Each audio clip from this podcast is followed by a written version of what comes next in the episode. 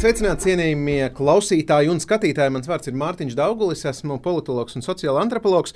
Un šodien uh, mēs aizsākam jaunu sēriju Luminor ekspertu klubs podkāstu sēriju. Ātras atbildes uz mainīgās vides jautājumiem. Pasaule šobrīd mainās tādos tempos un ātrumos, ka mēs mostamies vairākas reizes naktī, lai pārbaudītu Twitter lenti, kas notiek pasaulē. Un, protams, jautājumu ir ārkārtīgi daudz. Mūsu podkāstā ekspertu klubā mēs arī gūsim uz tiem atbildes neformālā, vieglā sarunas gaisotnē. Šodien mums pirmie viesi ekspertu klubā Pēters Strautiņš, Luminor galvenais ekonomists. Labdien, Pēter! Labdien un Lunčija ieguldījumu pārvaldes daļas vadītājs Atis Krūmiņš. Labdien! Sveiki! Nu, ko ķersimies klāt? Es gatavojot jautājumus, rakstīju nākotnes formā. Pirmo jautājumu, kā iespējams militārs konflikts varētu ietekmēt finanšu tirgus. Nu, šobrīd esošajā situācijā tas jau ir tagadnes formā. Kā karš ietekmē ekonomikas, finanšu tirgu, kas ir tā ietekme, ko mēs jūtam šobrīd, droši vien pasaulē, Eiropā un Latvijā. Droši, kurš pirmais ir gatavs ķerties klāt, aprakstīt nenormāli komplicētu lietu. Jā. Um, ļoti dažādi, dažādās uh, finanšu tirgu jomās, dažādos aspektos. Ja mēs runājam par tiem pašiem, pašiem lielākajiem tirgiem, tas būtu lielo valstu reģionu akciju tirgi, piemēram, Amerika, Eiropas standarta un tā tālāk, tad tur tā ietekme ir pārsteidzoši niecīga. Gandrīz nekā tie tirgi no gada sākuma tā pamazām planēja lejup. Šobrīd viņi kaut kādas 8, 9, 10% pēc gada sākuma, bet tieši jaunākie notikumi gandrīz nav, neko nav mainījuši. E, skatoties uz e, tieši iesaistītajām valstīm, e, Krievija, Ukraina, tur ir, protams, pilnīgs sabrukums. Uh, Uh, Krievijā, piemēram, akciju indeks kopš gada sākuma krities vairāk nekā uz pusi, un, un tieši, protams, iebrukuma brīdī. Un arī šie skaitļi, uh, tāpat kā teiksim, Krievijas rubļa diezgan šokējošais kurs, paši par sevi vēl liecina ļoti maz par tā uh, ārprātu un haosu mērogiem. Jo Eh, teiksim, labi, eh, kāda nozīme, cik maksā Krievijas akcijas. Teiksim, ja tu mm, pārdodot, piemēram, nevar iz, izvest vairs naudu no Krievijas, vai arī kāda nozīme, kāds ir kurs, eh, valūtas kurs, ja bankomātā nav naudas un eksportētājiem ir jādod 80% pēc īpaša kursa valstī, un tā tālāk un tā joprojām. Šobrīd mēs faktiski redzam, ka Krievijas ekonomiskās attiecības ar pārējo pasauli uh, stihiski sabrūk. Turpat nav jālemj par sankcijām. Vienkārši uzņēmumi nospriež, ka nu, tam nav nākotnes vai reputācijas dēļ pārtrauc sadarbību. Uh, tāpēc uh, ir uh, tirgos, uh, kur Krievija ir nozīmīga izēviela, tirgos runājot par kriešiem, piemēram, un, protams, par gāzi un naftu, tur ir ļoti liels svārstības. Nu, pie naftas gāzes mēs vēl nonāksim arī kontekstā ar Latvijas interesēm un energopolitiku. No tādas ieguldījumu stratēģijas perspektīvas. Nu, kā tās investīcijas šobrīd uzvedās, nu, cilvēki, kuriem ir ieguldījumi, ko viņiem par tiem domāt, vai mm -hmm. ir mhm. kaut kādas drošās vietas vai drošie ieguldījumi šajos apstākļos? Es varbūt sākšu ar nelielu tādu atkāpi, kas ir varbūt uh, uh, pretintuitīva, ja tā var teikt. Ja skatās lielos konfliktus, kas tiešām ilguši ir arī gadiem, tad uh, kara darbības laikā, mm, ja, ja mēģina nosprost sākumu un beigas tam konflikta situācijai, tad principā akciju tirgi kopumā ņemot nav cietuši tajos periodos. Ja skatās plašu, nu, biežāk ši, mēs, mēs biežāk skatāmies uz ASV, jo tur mums ir labāki dati. Tad uh, ir kaut kāds garš, garš periods un ir zināms vēsturiskais ienesīgums, tad šie konfliktu periodi neuzrāda sliktāku. Un, un, un, protams, katrā situācijā varbūt sākumā ir kaut kāda panika un tirgus nosvērstās, bet, ja skatās to periodu kopumā, tad, tad tirgiem tas ir labs periods, pārsteidzoši. Un, un vēl tāda nianse, ka senāk, kad, iekš, kad iekšzemes koprodukta vai ekonomikas struktūrā bija vairāk rūpniecības un mazāk šie pakalpojumi vai, vai arī nu, tehnoloģijas, kas mūsdienās ir liels, liels īpatsvars, tad, uh, Protams, karš, karš ar valdības stimuliem bija, bija atbalstošs uh, ekonomikai. Šobrīd tas ir mainījies, un tāpēc varbūt uh, grūtāk kā, ekstrapolēt šos vesos notikumus uz priekšu. Bet, ja mēs kā, uz to konkrētu jautājumu atbildēšanu, tad uh, nu, viennozīmīgi atbildi grūti sniegt par stratēģiju. Kā, kā Pēters minēja, tirgi šobrīd joprojām globāli turās pārsteidzoši labi. Uh, un, un, un tas, tā tendence, kas jau kaut kādu laiku ir ar tādu kopējo režīmu maiņu, jo tiek sagaidīts, ka procentu likmes tiks palielināts un tam līdzīgi viņi tā kā slīdēja lejup. Un tāds īpaši liela mēroga panika nav novērojama. Un, un, uh, un tas ir tas, uh, nu, ko mēs bieži vien ar klientiem vai, vai arī uh, plašāk esam komunicējuši, ka ir ļoti svarīgi ievērot šo diversifikāciju.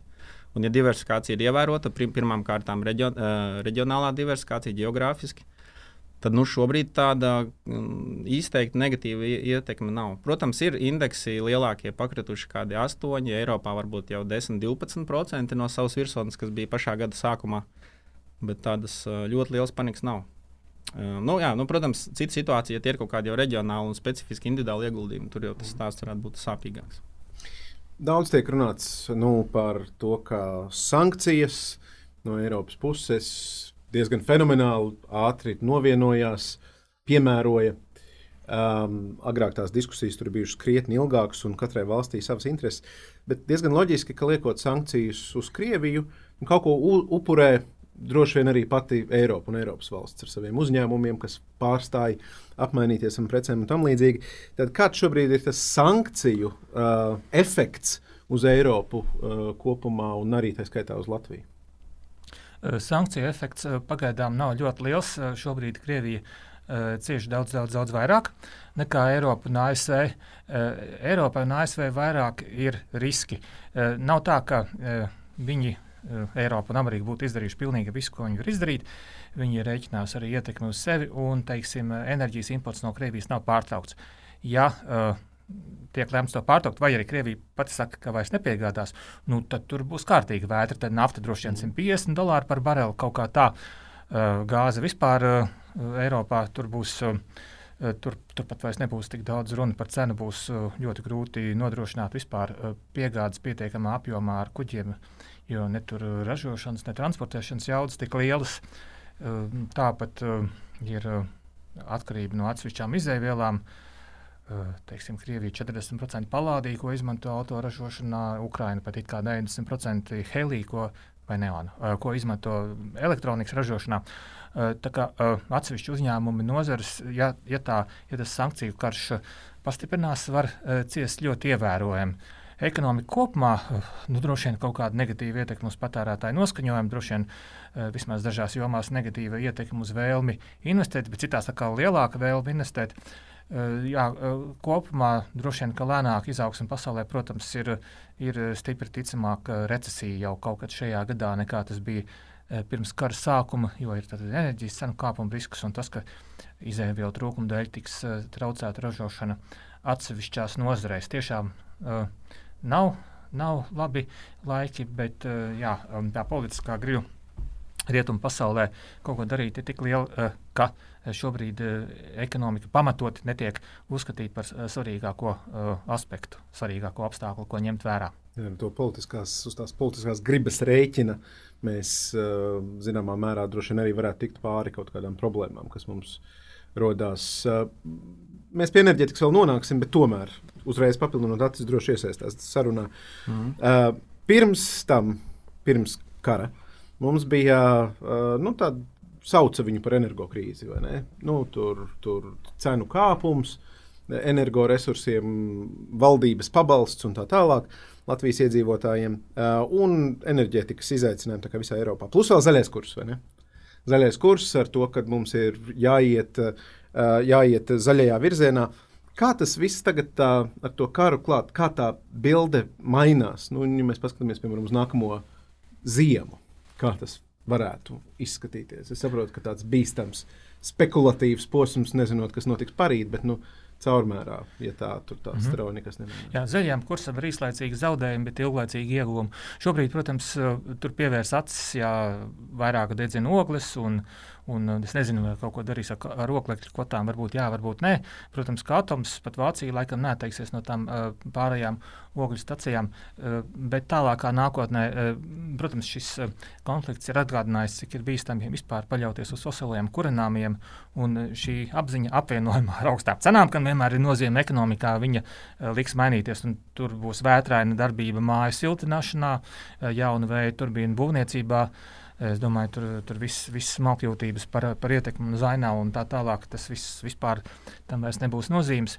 Eh, būs, būs ļoti eh, lielas un visaptvarošas sekas eh, politikā, ekonomiskajā politikā. Vairāk tērēs bruņojumu. Starp citu, kur šogad bijuši izdevīgas investīcijas bruņojuma ražotāji.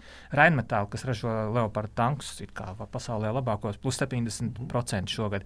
Abi lielie franču militārie koncerni, Dassault un Thales plus 40% vairāk nekā uh, Lockheed Martin, plus 22% laikam. Tas ir uh, labāko karalīnu mašīnu ražotājs. Tā kā kaut kas kļūst, uh, dažas investīcijas ir bijušas ļoti uh, veiksmīgas. Ja kāds varēja to paredzēt, tad droši vien ir labi nopelnījis. Nu jā, bet katrā ziņā tā kāja attiecībā uz fosiliem visticamāk ir nevis vienkārši ielikt durvīs, bet tām durvīm mēs jau esam izgājuši cauri tajā debatē fosilie pret, pret zaļo enerģiju kā tādu nu, teiksim, drošības, politisko, strateģisko apsvērumu dēļ uz kādu brīdi pievērs acis uz citiem, mhm. teiksim, uz kaut kādiem grēkiem, nezaļiem grēkiem, bet, eh, bet tas noteikti pastiprinās vēlmi aizvietot fosilos kurināmos ilgākā laikā. Un tā, tā ir ilgtermiņa problēma, ko var atrisināt. Nu, ja mēs neatsakāmies no dzīves komforta ļoti radikāli, tad to var atrisināt ar tehnoloģiju maiņu. Tātad tehnoloģiskais lēciens arī šajā jomā. Ja mēs nu, uz Latviju paskatāmies tagad uh, uz Latvijas ekonomikas struktūru, uzņēmēju loģiku, ieguldot, uh, investējot un tam līdzīgi, tad kāda tur tā aina un kas varbūt būtu tāda, nu jau pārējiem tādā rekomendējošā varbūt uh, aspektā, ja jau Luminora ekspertu klubs, tad mm. nu, es tāds uzņēmumu vadītājs, nu, ko, man, ko man domāt, ko man darīt? Uh labs jautājums. Es domāju, ka mm, mēs izvairījāmies no tā iepriekšējā jautājuma par, ie, par ieguldījumu stratēģijām. Tur tu, to mēs var, varam atgriezties. Bet uh, par uzņēmumiem, nu, jā, noteikti ir pirmajā līnijā ir tie, kuriem ir kāds biznesa saiknes, un tad jau šobrīd uh, finanšu sektors un visas sankcijas, uh, es domāju, tas jau ir stājies spēkā. Uh, šīs grūtības, tad tas jau ir vairāk tāds kā operacionāli nodrošināt darbību un, un, un savu ilgspēju. Un tad, tas ir tāds primārais. Nu, ilgākā termiņā, nezinu, man liekas, vēl pārāk spriest.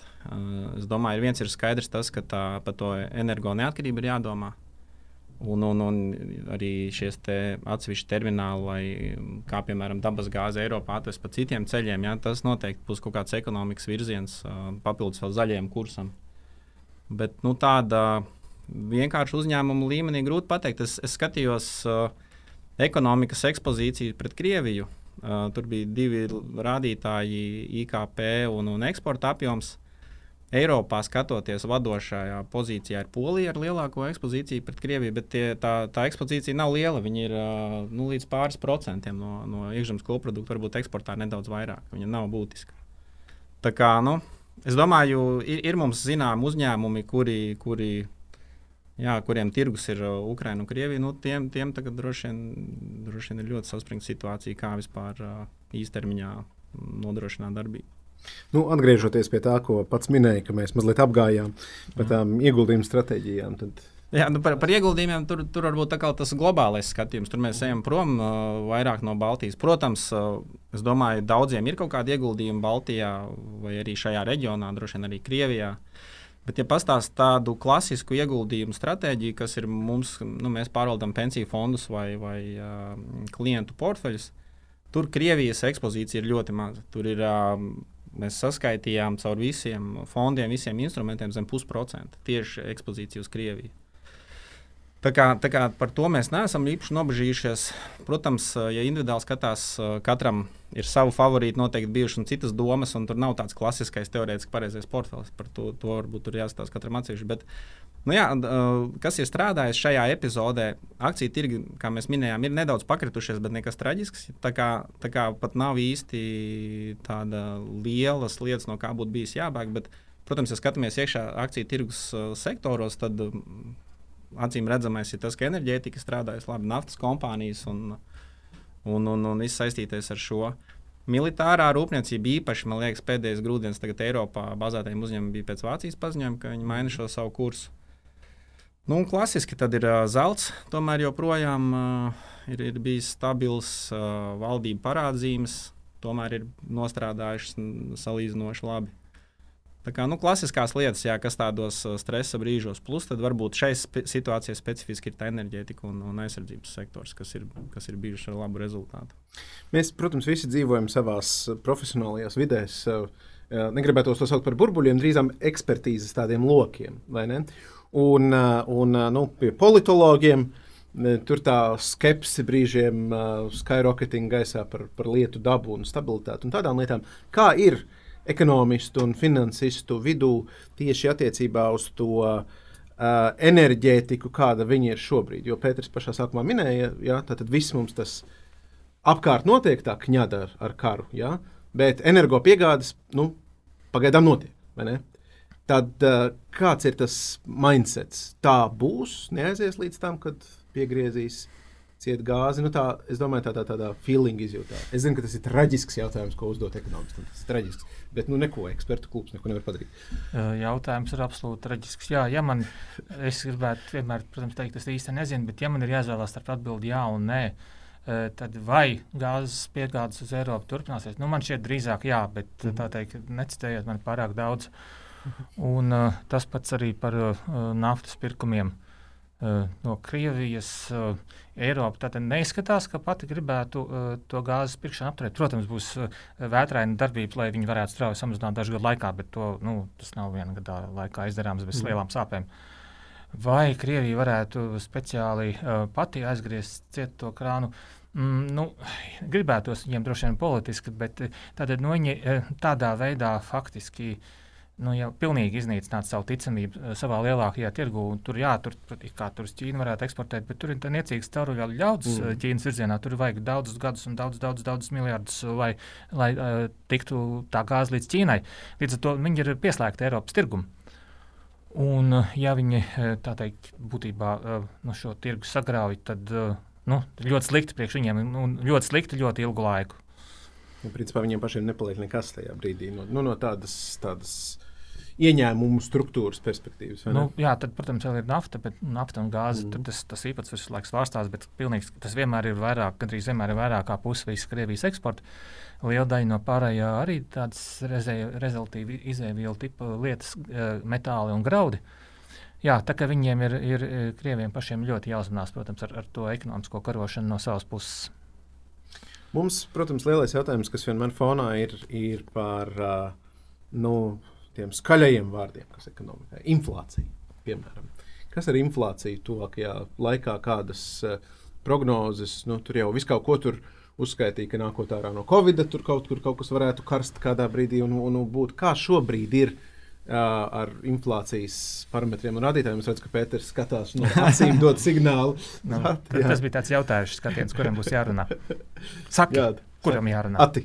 Un pēc tam droši vien vairāk tēmu Pēterim. Bet, uh, Es domāju, ka, ja domā par inflāciju, tad jādomā par vārdu, kas ir tagad populārs uh, stagflācija. stagflācija. Jā, kad mm. ekonomiskā izaugsme tiek bremzēta, bet cenas uh, ir augstas un, un, un centrālās bankas nonāk ļoti sarežģītā situācijā, ar ko cīnīt, vai ar ko cīnīties, ko atbalstīt, ja, vai, vai cīnīties ar inflāciju un celt likmes. Vai tomēr uh, kaut kādā veidā mēģināt uh, stimulēt ekonomiku, kas ir nu, cietīs acīm redzami, es domāju. Nu, šobrīd jā, mēs tieši tieši, tieši tas mirklis vēl viss notiekās, un cik tālu un cik nopietni ir grūti pateikt. Bet nu, inflācija, es domāju, caur energoresursu cenām tas, tas tā kopējā inflācija turēsies. Jautājums ir, kas notiks ar to saucamo pamata inflāciju, kur tiek izņemta ārā energoresursu cenas un pārtika. It kā man liekas, monetārās politikas veidotāji vairāk skatās uz to pamata inflāciju, domājot par savu, savu, savu rīcību. Nu, jā, es domāju, ka nezinu, Pēters varbūt kaut ko piebilst tādu, bet uh, nu, inflācija būs augsta un būs ļoti grūti saprast. Viens, ko es varu pateikt, šis te, mēs šo gadu uzsākām ar tādu režīmu maiņu, kad uh, finanšu tirgos tika gaidīts procentu likuma celšana, īpaši ASV, un, un, un uh, tur tika iecenota jau nopietna likuma celšana tieši cīnoties ar inflāciju. Un es tā no šī brīža situācijas domāju, ASV varbūt tas īpaši arī nemainīsies. Bet Eiropā uh, ja kaut kas tika cenots uz gada beigām, 22. gada beigām, ka likmes jau varētu sākt kustināt, tad es domāju, šobrīd tās prognozes visticamāk atbīdītos uh, bišķi tālāk, varbūt uz 23. gadu. Tad tur nekādas tādas straujas darbības nebūs. Šajā. Nu, uz šodien, jā, skatot, mm. vakarā, skatoties finanšu terminālā, ko rāda cenas, kaut kā tā izskatās. Jā, tieši pirms nākšanas ievēroju, ka Vācijas desmitgadīgo obligāciju likme atkal ir aizgājusi mīnus teritorijā. Mm. Bija aizgājusi līdz kaut kādiem plus uh, eh, 0,3%. Jā, tā kā uh, tiek sagaidīts Eirozonā vēl ilgstoši ļoti zems procentu līmenis, un pat ja nākamgad pieņemsim, nākamā gada kaut kas mainās, tās izmaiņas būs ārkārtīgi pakāpeniskas. Nu, ko, tā, ko tā Vācijas likme nozīmē? To, ka uh, kad, kad tirgus sagaida, ka vidējā īstermiņa likme uh, Eirozonā, tā bez, bezriska likme, arī des, pat vidēji desmit gadu laikā būs diezgan tuvu 0%. Tā to varētu interpretēt. Uh, tā kā jā, kredītņēmējiem nav īpaši jāuztraucās par uh, procentu likuma kāpumiem. Gadrīz droši, ka viņa ienākuma augsts draudz straujāk nekā, nekā viņa procentu maksājumi. Bet jā, tuvākajā laikā, protams, būs papildus nepatīkami šoki dzīves dārdzībai. Jau tā šogad tika sagaidīta liela inflācija Latvijā. Manuprāt, tās prognozes bija kaut kāda vidēji 6, 7%, varbūt 6 būtu bijis vairāk, ja nebūtu valdības politika. Pirmo reizi kopš padomu laikiem būtībā politiski samazina mm. cenas. Jā, tā kā um, izmaksas kāps, uh, enerģija bija dārga, griežu cenas atkal palikušās strauji pēc krituma Tā kā jā, nauda ienākuma auga strauji, tikko arī iznāca algu dati par Latviju. Tur kaut kāds 11% pieaugums pagājušajā gadā, mazs 11%. Tagad nauda griežās, nāk lielā daudzumā, bet arī liela ienākuma, liela izdevuma. Kur tas, ja mēs paskatāmies uz to Latviju, tad uh, kur tur ir tie, nu, es zinu, kā droši vien uh, ekonomistiem, finansistiem nav bažas. Uh, tādas vai raizes, vai stress, vai kaut kas tāds, bet vēsts aprēķins, protams. Bet kur ir, kur ir nu, kaut kādi tādi vislielākie samazglojuma punkti, kur jūs redzat, kur arī valdībai vajadzēs domāt, kur sabiedrībai ar kaut ko jārēķinās? Un tad aizvo, pēc tam aizzūmosim tālāk uz, uz individu līmeni, kādas individu stratēģijas varētu būt šādā pasaulē dzīvojot. Ar ko, par ko valdībai vajadzēs domāt? Tuvākajā laikā? Ļoti daudz par ko. Eh, protams, pirmkārt, ir drošība. Valstu vispār pastāvēšanas pamatjēga ir drošība uh mhm. -huh. un, un, un kārtības nodrošināšana. Tikai pēc tam viss pārējais, eh, tas, tas būs pats svarīgākais. Jā.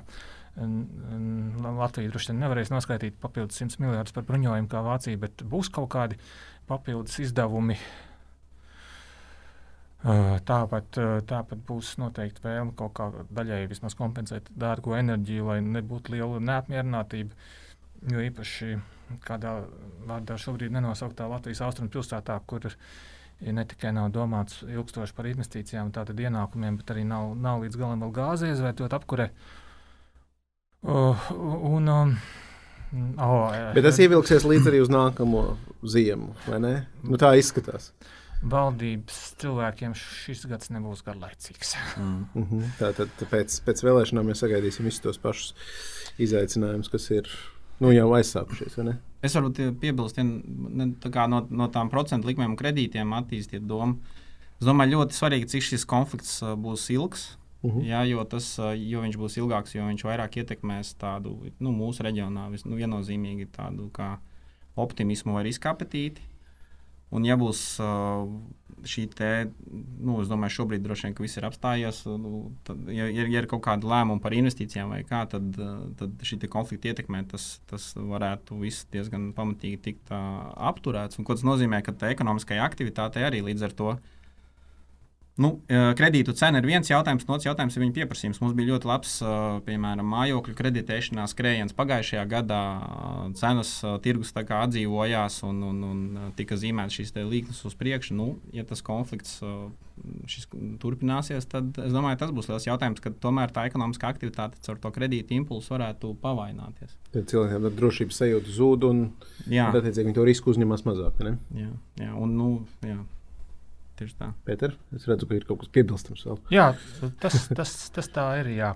Ka um, šis konflikts varētu uz kādu laiku atdzesēt Baltijas mājokļu tirgu. Kas būtu vēlams Igaunijā un Lietuvā, citu, tur jau tas būtu pat vēlams. Mm -hmm. Latvijā negluži, Latvijā negluži bet uh, ne, tālākā nākotnē, es domāju, tur mājokļu tirgu viss būs kārtībā. Uh, Un, uh, savukārt, runājot par pār, pārējām investīcijām, uzņēmumu valsts, nu, tur, tur joprojām tiek gaidīts liels investīciju bums šajā un nākamajos uh, divos, trijos mm. gados, jo nu, tas, kas ir uh, Eiropas fondos, uh, uh atvesaļošanās un noturības mehānismā, un kas arī ir iebuģ, iebuģetēts no uh, budžetā, kas no nodokļu naudām veidos, tur visur ir lieli plusi investīcijās. Un, uh, Kā, uh, tas būs Latvijas ekonomikai spēcīgs, spēcīgs dzinējs. Tas, ka tur kādu brīdi varbūt cilvēki uh, mazāk gribēs būvēt mājokļus, tas tāpat nebūtu tā lielākā nelaime no makro skatu punkta. Kā ir ar to, ar to nu, citu uzņēmumu uh, investīciju un kapitāla ienākšanu Latvijā? Nu, zin, premjeram, premjeram Alžs tā doma, ka jāaicina pie sevis, lai šeit ir, lai mēs kļūstam par daļu no Eiropas absolūti pilnvērtīgi un, un, un, un ienāk kapitāls. Tā, tas, ka mēs atrodamies pierobežā, nu jau divām nedrošām valstīm, tas kaut kādā veidā šo plūsmu ietekmēs, piemēram, izvietot savu, savu uzņēmumu servisu servisa daļu šeit, Latvijā, kur, kur, kur cilvēki pieņem zvanus vai tam līdzīgas lietas. Nu, teiksim, tas, tas, tas pievilcība reģionu no citu uzņēmumu perspektīvas, kas citās valstīs ir. Uh, runājot par šiem drošības riskiem, man liekas, tas ir ļoti spilgts, interesants piemērs atšķirībai starp reālajiem un uztvertajiem riskiem. Mm -hmm. Ir krasi sāsnājusies riska uztvere, protams, tā skaitā cilvēki tur, tur savā starpā visu kaut ko spriež un kaļ visādus plānus. Bet tajā pašā laikā, ja mēs paskatāmies uz tādu objektīvo uh, riska līmeni, nu, uh, Krievijas karš starp NATO bija apakalips, un mm tāpat arī būtu apakalips nākotnē. Diez vai kāds to gribētu sākt.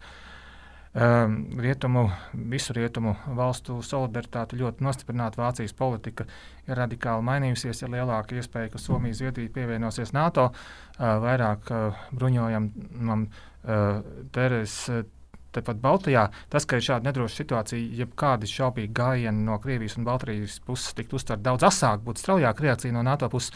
E, tā kā ja mēs tā saliekam to, to racionālo pusi kopā, uh, tikpat labi var argumentēt, ka reālais riska līmenis ir samazinājies, bet, nu, protams, -hmm. tā nav precīza zinātne. Uh, ka, man ir ļoti grūti ielīst to cilvēku prātos, kas tagad ņems, kas pieņems lēmumus par investīcijām Uh, ir skaidrs, ka tie pakalpojumu centri, kas bija Ukrajinā, nu, atskaitot pašu labvēlīgāko scenāriju, nu, kādu brīdi viņiem tur būs grūti vai neiespējami darboties. Uh, būs jāpārceļās droši vien kaut kur citur, uz, uz Centrālu Eiropu, jo Rietumē Eiropa vienkārši viņiem pārāk dārga. Bet tā arī ir opcija, ka mēs esam uz kartes šādā lietā. Nu, Protams, tas ir augošs bizness, ja? tas ir strauji augošs mm -hmm. bizness Latvijā. Pēc kāda bija tā doma par to, uh, ka reālā riska situācija samazinājusies? Uh, nu, nu, tad, tad es izstāstīju par punktiem. Tātad uh, Vācijas un vispār uh, citu valstu militārās aizsardzības politikas maiņa, rietumu lielāka solidaritāte. Amerikas atjaunot, atkārtot mobilizāciju un lielāks commitment, uh, nu, kā, uh, apņēmība būt NATO līderim un, un tā tālāk un tā joprojām. Mm. Tā tad ir, ir riski, um, kaut kādi riski. Uh, apkārtējā vidē, bet, protams, ka uh, cilvēki, politiķi, uh, lēmumu pieņēmēji uz tiem reaģē. Bēgļi, migrācija, bēgļu plūsmas, kas mums ir. Kā tas varētu ietekmēt uh, ekonomiku gan Eiropā, gan arī uh, Latvijā? Uh mhm. -huh. Jā, nu labs jautājums. Nu, uh, es domāju, svarīgi ir atkal, cik tas ir paliekošas tās plūsmas. Uh -huh. uh, Jo, jo kopumā jau demogrāfiskajai situācijai tā, mums ir demografiskā situācija ir švakā, situā, švakā stāvoklī. Un tā, tā vispārinot, tas droši vien nāktu par labu ekonomikai. Papildus pieprasījums, papildus darba rokas un tam līdzīgi. Bet, nu, tas tāds ļoti vis, liels vispārinājums. Un, un, un Katrā ziņā es domāju, ko, ko mēs redzam Skandināvijā, ja, ka, kāpēc viņiem ir tik atvērts šīs te, nostājas pret bēgļiem. Nu, es domāju, tas uh, ir kaut kāda, protams, arī solidaritāte globālā Eiropā, bet noteikti arī šis pragmatiskais uh, par ekonomiku un, un, un, un nu, par šo vietējo tautsēmniecību. Jā. Tā kā es domāju, nu, tādā ziņā Latvija varbūt iegūtu. Bet... Tad, tad tā, pastāv tāds iespējams efekts. Uh, nu, šādas krīzes jau vienmēr forsē kaut kādas darbības, kuras būtu jāveic un jāpieņem tāpatās. Jā, bet nu, tās darba rokas ieplūstu. Tad šajā gadījumā daļēji spiestā, bet daļēji, daļēji nu, iespēju kārtā, ka Ukrāņi integrētos mm -hmm. mūsu darba tirgu. Es domāju, tā jau ir realitāte. Pēters noteikti zina vairāk, bet uh, vakar pa televizoru rādīja kādu uzņēmumu, kurš nodarbina Ukrāņus. Ja, tādu ir daudz, un, un, un viņi varbūt tagad domā, ka jābrauc atpakaļ uz Ukrajinu vai kā, bet ilgtermiņā, ja, ja nu, tiešām ne, nu, tas nav nekas labs, bet ja tā notiktu, mm -hmm. ka tā plūsma ir tāda nopietna un ilgtermiņa, tad jā. Jā, skaidrs, ka Latvijā imigrācija būs tikai var mainīties tie iespējamie bēgļu avoti. Jā, ja tas konflikts Ukrainā turpināsies, tad droši vien būs mazāk indiešu, būs vairāk uh, ukrāņu.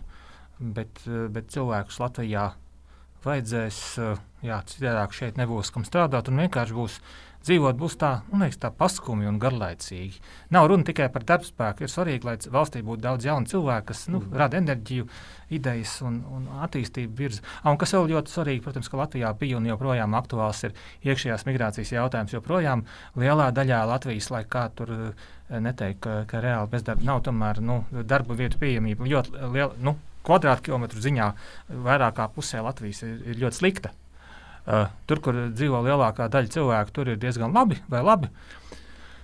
Bet, uh, bet ir uh, plašas teritorijas, kur darba tirgus ir ļoti, ļoti nepievilcīgs joprojām darba ņēmējiem. Un, tāpēc strauji augošās pilsētas varēs no turienes arī vēl ilgi, ilgi ņemt cilvēkus. Bet kā šobrīd ir? Mēs skatāmies uz komercsektoru, kas varētu uzņemt bēgļus no Ukrainas kā darba rokas. Uh, Vai arī jau ir diskusijas, jo es pats nezinu, ir jau diskusijas par, nu, mums ir milzīgi katastrofāls problēmas, piemēram, medicīnas sistēmā ar māsu trūkumu mm -hmm. un tam līdzīgām lietām. Arī tur varētu piezemēties nu, bēgļi no Ukrainas. Iespējams, bet droši vien jau galvenokārt privātais sektors. Uh -huh. Ukrāņi jau diezgan st daudz strādā Latvijā, piemēram, rūpniecībā. Uh -huh. Metāla apstrādē mašīnu būvē, kur viņiem ir, ir tradīcijas, ir, ir prasmes. Viņi saprot, viņi, ka, ka, kas tur tiek jā. darīts, un tad ātri -huh. var pielāgoties. Jā, jā, jā nu, tad pie tā individu līmeņa vienmēr ir labs tāds veselīgs komplekts. No kā ir, uz ko ir vērts skatīties bažīgi individam, no par ko nav vērts baidīties. Nu, tādā, protams, mēs te, kā jau Lunčija ekspertu klubā, mēs par naudas lietām tomēr runājam. Ņemt kredītu, neņemt kredītu. Um, jā, hipotēku izņemt, hipotēku neizņemt. Varbūt īstais laiks pirkt kaut kādas vērtības. Šodien? Ko darīt? Jā, šodien. Ko darīt šodien? Jā. Iedomāsimies, ka ekskluzīvā kārtā pie mums ir atnākuši uz konsultāciju. Es, Ko man darīt? Es domāju, šodien ir uh, pat uh, grūti cilvēkiem, nu, tiem, kas seko līdzi ziņām, jā, vai, vai, vai uh, telefonā visām aktivitātēm. Tad ir diezgan grūti varbūt, tā, pieņemt tādus ilgtermiņa lēmumus saprātīgi. Tādā ziņā varbūt, kad nevajag steigties. Jo, Jo arī par tām procentu likmēm runājot, vienkārši nu, ir jārēķina tie riska scenāriji. Ja, kad, kad ja likmes aizies no, no 0 līdz 2, vai 3 vai 4 procenti, vai es varu atļauties to 4% eiro manas dzīves laikā nebūs, no, un man ir laba veselība. es at, atvainojos, ka dramatizēju, bet, bet nu, vienkārši jārēķina tie scenāriji. Nu, vienkārši, jā, šobrīd domāju, tas uzmanības fokus ir kaut kur cits, lai par to, par to domātu. Bet, uh, Nu, par investīcijām ir, tur varbūt ir vienkāršāk atbildēt, jo, jo investīcijas, ja mēs par tādām nu, portfeļu tipu investīcijām runājam, tad ir ļoti viegli investēt globāli. Uh, vērtspapīri tiek glabāti globālās sistēmās un tam līdzīgi. Ja, tad, tad tur, nu, tur diezgan, manuprāt, uh, tur nav nekādas tādas krasas izmaiņas jāveic. Uh, varbūt jā, var paskatīties, vai tas kopējais riska līmenis ir pa augstu portfelī, ka tās svārstības, kas teorētiski varētu būt skatoties uz kaut kādām vēsturiski līdzīgām epizodēm, ja viņas neļauj gulēt naktī, tāds klasiskais teiciens, tad, tad vajag samazināt riska līmeni. Tas nav tikai dēļ kara darbības vai kaut kāda konflikta. Vienkārši jāskatās uz kopējo riska līmeni. Tā kā par to es domāju, tur nekādas tādas krasas situācijas, krasas izmaiņas nevajag veikt. Var, varbūt viņš samazināt riska līmeni, ja viņš vienkārši ir tādā nepieņemama augsts. Bet nu, par vietējo ekonomiku nezinu, Pēter, ko, ko domā jāpērk. Es drusku pareklamēšu bankas preci. Uh -huh. uh, es teiktu, ka uh, ir šobrīd labs laiks ņemt kredītus, jo reālās likmes ir šokējoši pievilcīgas. Teiksim, ja jūs paņemat hipokredītu, tad ņemot vērā apmēram cik uh, ir tā vidējā likme, uh, reālā likme, tātad um, likme mīnus inflācija, jums pirmajā gadā būs kāda mīnus 3, mīnus 4, mīnus, mīnus 5 procenti. -hmm. Tātad jūsu kredīta reālais sloks samazināsies daudz straujāk nekā jūs viņu maksāsiet atpakaļ bankai. Reālā likme, likme hipokredītam nākamajos desmit gados varētu būt ļoti tuvu nulē. Kas nozīmē, ka mm. nekustamā īpašuma cenas cerams aug, kredīts paliek tur, kur ir ienākumi aug, un tad viņu mm -hmm. nosakt ir vieglāk. Bet, nu, Jā. Bet tā uztveramība cilvēku prātos droši vien tagad. Nu, Nav tā, ka tas šodien, šodien, šodien tā, tā sajūta nav tāda, kaut arī skaitļi liecina, ka tā ir. Katra kredīta ņemšana ir individuāls mm. jā, lēmums. Cilvēkam ir viņš parasti kredītņēmēji zina vairāk nekā banka par sevi. Parasti mm. tur ir tāda zināma informācijas asimetrija. Teiksim, ja cilvēks strādā turismu nozarē, nu tai nozarei, ja vēl, ja vēl tādi cilvēki ir, es joku, ir nedaudz. Uh, tai nozarei bija slikti laiki, un izskatās, ka tie labie laiki bija, varēja cerēt, ka šogad ar jonu atgriezīsies, tā laikam nebūs. Mm. Uh, tiešām uh, katrs zina, uh, kādi ir riski, iespējas viņa profesijai, darba vietai, un tad ir uh, pašiem jādomā, protams, jāpērk ar prātu, uh, nevis pagrābt kaut ko, ir, ir dažādi pielāg, piel, um, piedāvājumi un tā tālāk. Bet, ja tiešām piestrādā ar galvu un rusku ar kājām, uh, tad, um, tad var um, tikt pie izdevīga darījuma. Nu, kā te visi tie pārējie nu, tie parametri, ko minēja, ja, tā, tad uh, izskatās, ka algas turpinās pieaugt. Ja? Nu, ļoti, ļoti izskatās. Ļoti, ļoti, ļoti, ļoti, ļoti izskatās. izskatās ja. nu, skaidrs. Uh, vai pastāv vēl kaut kādi riski, par kuriem mēs šodien esam runājuši? Nu, tur ik pa laikam runā par to, ka tur tūlīt kaut kāds burbulis būs, tur kaut kas tur, kaut kas tur pārkarsīs kaut kādā lietā, kaut kas tā, kaut, kaut kur ir kaut kādas tādas neprognozējumības vai paldies Dievam Mums ir uh, tikai viena milzīga krīze šobrīd, un citas mums nav. Par burbuļiem un īpašumu cenām droši vien runa. Jā, protams, ir atrast kaut kādus uzpūstus piedāvājumus par uzpūstām cenām, bet ne, caurmērā uh, cenu līmenis Latvijā ir ļoti, ļoti mērens. Uh, salīdzinot ar, ar reģionu vidējo, ar, arī mērens attiecībā pret algām, cenu līmenis ir ļoti izdevīgs attiecībā pret tīrcenām un tā tālāk. Visi tie fundamentālie parametri mājokļu cenām joprojām ir, ir, ir, ir pievilcīgi. Mūsu abās kaimiņu valstīs, draudzīgajās kaimiņu valstīs, ir jau, jau tur rodas jautājumi par, par cenu līmeni, bet Latvijā ne. Bet viņiem tā kā dzenās uz augšu. Ja, nu, viņiem ir daudz dārgāk. Mm -hmm. Bet par burbuļiem runājot, ko domā par digitāliem aktīviem? Jā, kas ir ar bitkoinu? Nu? Nē, nu, bitkoins šo, šobrīd ir ļoti interesantā situācijā, par cik Krievijā daudz kas ir ierobežots. Tad es domāju, tas, kas šobrīd notiek, nu, droši vien var palasīt kādu analīzi, bet uh, tas ir nu, no rubļa. Šie aktīvi netiek uz dolāru vai kur meklēt drošību. Tāpēc bitkoins ir. Bet tajā sākotnējā fāzē, ja jau tika runāts, ka bitkoins kā zelts, tad tā virzība tomēr bija pretēja. Ja zelts gāja nedaudz uz augšu un, un bitkoins kritās. Bet kopumā vienkārši domāju par to kopējo tādu universālu, nu, ne universālu, bet vispasaules skatījumu par burbuļiem. Mans personīgais viedoklis, ka digitālajos aktīvos tomēr, tomēr ir burbulis. Nu, jā, tā ļoti izskatās. Tā ļoti izskatās. Jā, tāda būtībā tāda ļoti izstiepusies. Nē, nevarētu teikt, ka tā ir simtprocentīgi poncija schēma. Šiem aktīviem ir atsevišķi pielietojumi katastrofu brīžos un noziedzīgajā pasaulē divi varianti visvairāk. Bet eh, šajā te, uh, kriptoaktīvu, viņš var daudz uzskata, ka nevajag saukt par aktīviem, kripto parādību uh, cenu veidošanas procesā acīm redzami ir ļoti liels poncijas schēmas elements, piramīdas. Mm. Neapzināts, varbūt neapzināts centrāli nekoordinēts piramīdas schēmas elements. Ma cenu, cenu līmenis. Mm -hmm. Tātad, iespēja gūt peļņu šajā tirgu balstās uz uh, to, ka kāds cits uh, cer, ka tas aktīvs nākotnē kļūs dārgāks. Teiksim, ja jūs pērkat akcijas, jūs nopērkat uh, mazu gabaliņu no reālās pasaules, iekārtas, dzīvības un tā tālāk, uh, kas rada dividendus. Ja jūs nopērkat uh, valstu obligācijas, piemēram, jūs nopērkat gabaliņu no šo valstu nākotnes nodokļu plūsmām. Uh, ja jūs nopērkat bitkoinu vai kaut kādu suņu koinu, mhm. tad A, ko jūs nopērkat? Es tā īsti. Uh... Vienu Ilonu Maska tvītu šajā sakarā, kas jums var atnest laimi, vai arī tieši pretēji. To, Bet, ne, es, es gribu varbūt nedaudz papildināt. Man liekas, ir jānošķir tas, to, nu, kā, to domu turpinot. Ja? Tā, tā tehnoloģija, es, es pieņemsim personīgi, domāju, ka tā tehnoloģija droši vien saglabāsies, un, un blokķēdes, un, un decentralizētas finanses, un tā būs mūsu nākotne. Bet uh, man šķiet, ka jānošķir, vai tā vērtība tajā mūsu tajā tradicionālajā valūtā, ko mēs maksājam par vienu šo digitālo vērtību, kaut kādu failu vai, vai nosacītu valūtas vienību, vai tā ir atbilstoša. Tas, tā, tā nav runa par tehnoloģiju. Tehnoloģija ir, viņa, viņa attīstās, viņai noteikti beigās arī būs kaut kāds praktisks pielietojums, bet, bet tā vērtība jau nav tajā.